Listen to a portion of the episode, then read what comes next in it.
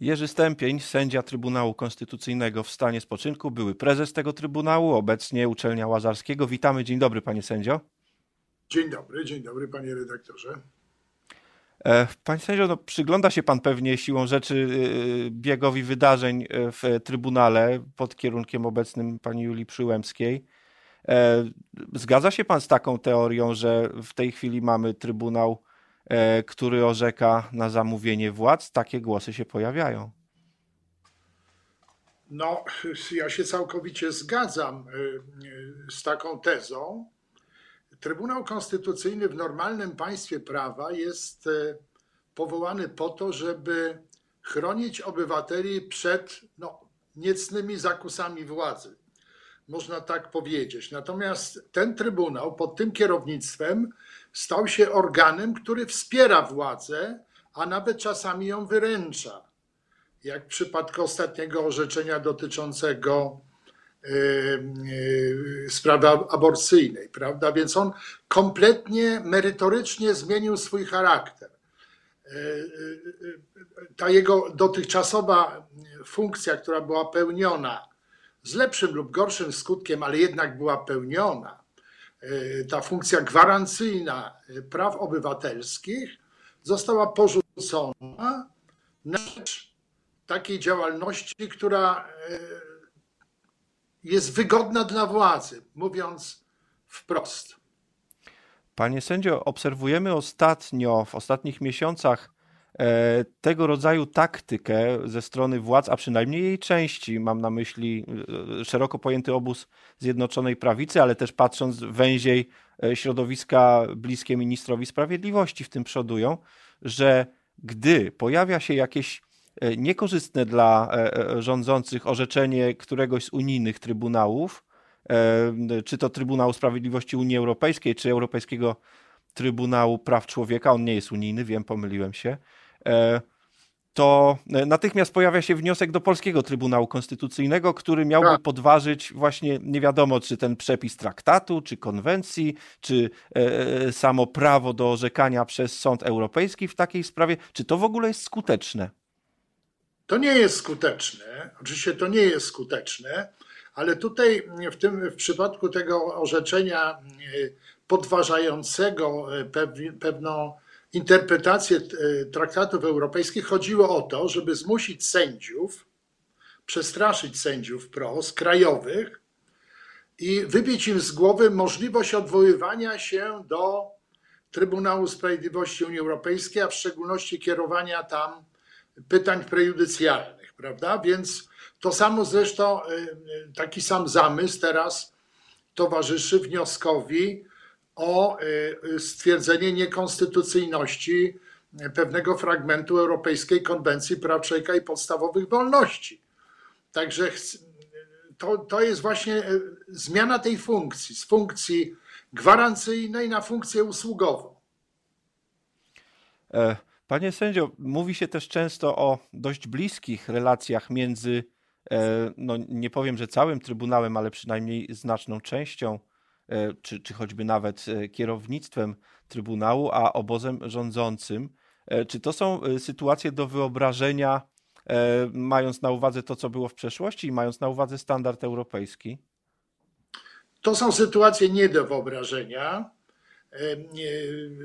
Osoby pełniące, czy jak to się mówi, ja nie lubię tego słowa, piastujące prawda, pewne funkcje państwowe powinny unikać jakichkolwiek prywatnych kontaktów poza właśnie e, kontaktami oficjalnymi, prawda, których zresztą też jest dużo, ale one uniemożliwiają w zasadzie jakieś bliższe, że tak powiem, instruowanie się, wybieranie wpływu i tak dalej, i tak dalej. I ja uważam, że takim świetnym podsumowaniem tych zbyt bliskich kontaktów pana prezesa Kaczyńskiego z panią e, e, Julią Przyłębską jest ta wywieszka na płocie Trybunału Konstytucyjnego, prawda? Obiady domowe.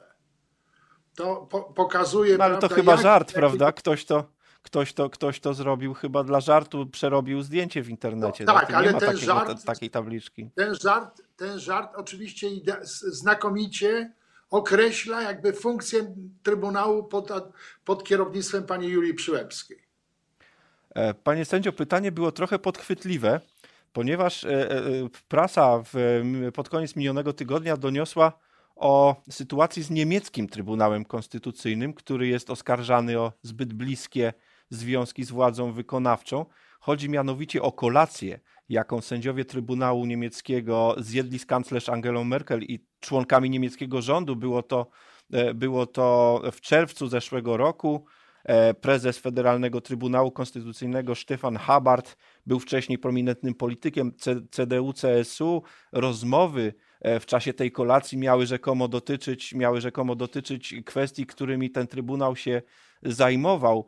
E, nie chcę spłaszczać tego do, do stwierdzenia, że to nie tylko polski problem, ale czy może coś jest na rzeczy, panie sędzio? Mo, może to nie jest, jest nic niezwykłego. Właśnie nawet w takich państwach o utrwalonych y, zasadach demokratycznych i y, utrwalonych zasadach trójpodziału władzy, y, ta granica może być naruszana, prawda? Nie chcę powiedzieć, że w przypadku niemieckim została przekroczona, ale sam pozór zbyt bliskich kontaktów jest już naganny, prawda? To jest tak jak na przykład w zbiorze zasad etycznych sędziów angielskich jest taki zakaz y, spotykania się sędziego z adwokatem, na przykład gdzieś tam prywatnie na obiedzie. Oni mogą oczywiście nie rozmawiać o sprawach związanych e, y, z ich działalnością zawodową, ale sam fakt, że w odbiorze publicznym może komuś coś takiego przyjść do głowy, jest już, że tak powiem, ostrzeżeniem, prawda? Jest już naganne. W związku z tym powinno się powstrzymywać te, e, przed tego rodzaju fraternizacją. Ja myślę, że w przypadku tych sędziów e, i tej kolacji sędziów niemieckich, szczególnie w sytuacji, kiedy pani kanclerz kończy już swoją kadencję, no tej fraternizacji na pewno nie było, ale e, sam fakt, że opinia publiczna niemiecka zareagowała negatywnie na ten temat, na, ten, na, ten, na to zdarzenie, no coś jednak mówi, prawda? Pan, panie sędzio, bywał jako prezes Trybunału, czy wcześniej jego sędzia, nie wiem, na, na trybunie honorowej Stadionu Narodowego na jakichś meczach, albo spotykał się e, z przedstawicielami nie. innych władz w ten sposób? Nie, nie, takich, takich, takich przypadków nie było, nigdy nie byłem, nie, za, nie byłem zapraszany, nie byłem e, na żadnych imprezach, na żadnych tego rodzaju eventach. Natomiast no, oczywiście z okazji świąt państwowych miałem kontakty z prezydentem. Pamiętam także z prezydentem Kaczyńskim, Lechem Kaczyńskim, notabene, muszę powiedzieć, że to zabrzmi jako anegdota, ale tak było właśnie to było w okresie, kiedy miałem dość e, takie duże napięcie, prawda? Nie chcę powiedzieć, że jakiś konflikt z prezydentem. To był 2007 rok, e, sprawa lustracyjna i tak dalej, i tak dalej. Więc jak wiadomo, Pamiętamy. prezydent nie był zachwycony z, z postawy Trybunału. I e, było święto 11 listopada, później takie przyjęcie w Pałacu Prezydenckim. Ja wszedłem może nie byłem tam jedną z pierwszych osób, ale w każdym bądź razie jak wszedłem, to tak ostentacyjnie do mnie podeszła pani Maria Kaczyńska i tak ostentacyjnie się przyjacielsko powiedziałbym witała, chociaż nigdy wcześniej nie mieliśmy jakichś prywatnych kontaktów, więc natomiast nie było takiego przypadku, żebym na ten temat rozmawiał z prezydentem jakiejkolwiek sprawy. No, a dodajmy, żeby już postawić całkowicie kropkę na tej, że Państwo nie jesteście obcymi sobie osobami, że, że wspomnę epizod polityczny. Pan sędzia przecież, mając, że tak powiem, przerwę w sprawowaniu funkcji sędziego, był przez pewien czas e, na funkcjach politycznych i to z ramienia partii Porozumienie Centrum. Tak, to znaczy ja reprezentowałem akurat komitety obywatelskie i te komitety obywatelskie w 1991 roku stworzyły taką koalicję wyborczą, która się nazywała Porozumienie Obywatelskie Centrum. I w ramach tego Porozumienia Obywatelskiego Centrum ja kandydowałem do, do Senatu i wygrałem te wybory. Później już w klubie Porozumienia Centrów nie by, Centrum nie byłem, no ale przecież Lecha Kaczyńskiego doskonale znałem, chociażby z tego, że byliśmy razem członkami Krajowej Komisji Wykonawczej Solidarności pod koniec lat 80. No tak, ale to już zabrnęliśmy trochę na moje życzenie w prehistorię. A wracając, a wracając do teraźniejszości i przyszłości, to w zeszłym tygodniu w Rzeczpospolitej opublikowaliśmy e, tekst e, profesora Stanisława Biernata, wiceprezesa Trybunału Konstytucyjnego, już w stanie spoczynku, który stawia taką tezę e, dość istotną co do kadencji pani Julii Przyłębskiej na funkcji prezesa. E, bowiem no, jesteśmy w, w takiej luce czasowo-prawnej, że się tak wyrażę. E, do tej pory było tak, że gdy sędzia Trybunału był wybierany na funkcję prezesa Trybunału, sprawował ją właściwie do końca swojej sędziowskiej dziewięcioletniej przepraszam, kadencji. Tymczasem e, sędzia Biernat twierdzi, że, że w sytuacji prawnej, w jakiej dokonał się wybór pani Julii Przyłębskiej, to jej kadencja trwa 6 lat, czyli do, do grudnia przyszłego roku. Czy rzeczywiście coś jest na rzeczy, panie sędzio? Analizował? No ja się zgadzam e, z, z tą tezą. Przeczytałem uważnie mm, artykuł e, pana profesora Biernata. E, on z punktu widzenia analizy przepisów jest, przepisów jest bezbłędny.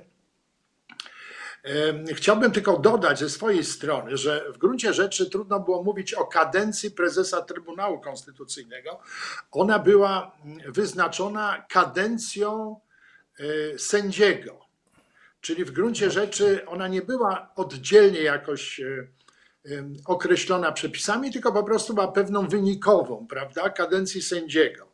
I to, to, był, to byłby jakby dodatkowy argument, który przemawia za tezą pana e, profesora Biernata, że e, trzeba po prostu w tym przypadku e, popatrzeć na właśnie urzędowanie pani Julii Przyłębskiej na tym stanowisku z perspektywy tego prawa przewidującego kadencję dla prezesa Trybunału, prawda?